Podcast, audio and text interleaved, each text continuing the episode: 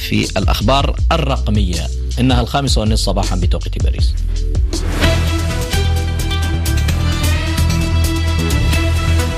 نتوقف الآن عند موجز لأهم وآخر الأخبار معك نجوى بن مبارك. أعلنت كييف أن جبهات القتال في منطقة لوغانسك ومدينة سيفيردونيسك في شرق البلاد شهدت قصفا روسيا مكثفا مؤكدة أن قواتها ستصمد طالما لزم الأمر. هذا وأعلن مسؤول كبير في البيت الأبيض أن مجموعة الدول السبع الصناعية الكبرى ستقدم في قمتها المرتقبة بألمانيا نهاية الأسبوع الجاري مجموعة مقترحات ملموسة لزيادة الضغط على روسيا ولإظهار دعمها الجماعي لأوكرانيا.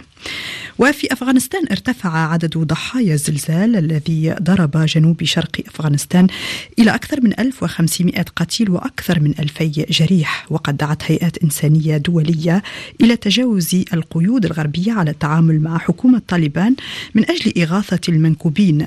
وأدى الزلزال الذي ضرب ولايتي باكتيكا وخوست صباح أمس إلى تدمير مئات المنازل منها 600 منزل في خوست وحدها وتشريد الالاف المتضررين وسط مخاوف من تعثر الإغاثة.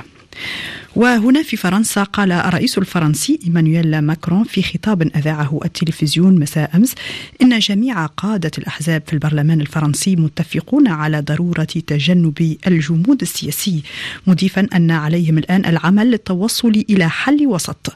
وأكد ماكرون أنه يجب إبرام اتفاقات جديدة بين الأحزاب مستبعدا فكرة تشكيل حكومة وحدة وطنية.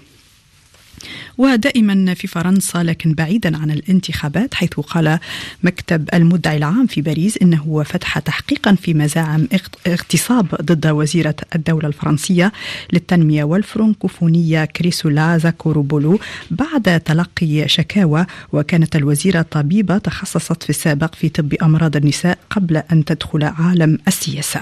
ويواجه أيضا وزير آخر تم تعيينه حديثا وهو داميان أباد وزير التضامن ودوي الاحتياجات الخاصة ضغوطا متزايدة بالفعل بشأن تهم بالاغتصاب وجهتها له امرأتان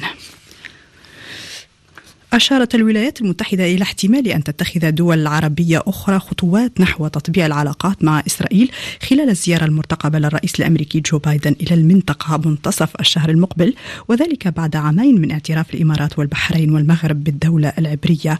وقالت نائبة وزير الخارجية الأمريكي لشؤون الشرق الأوسط إن العمل جاري في الكواليس مع بعض الدول الأخرى غير تلك التي طبعت علاقاتها مع إسرائيل بموجب اتفاقات أبراهام التي رعاها الرئيس الأمريكي السابق. دونالد ترامب.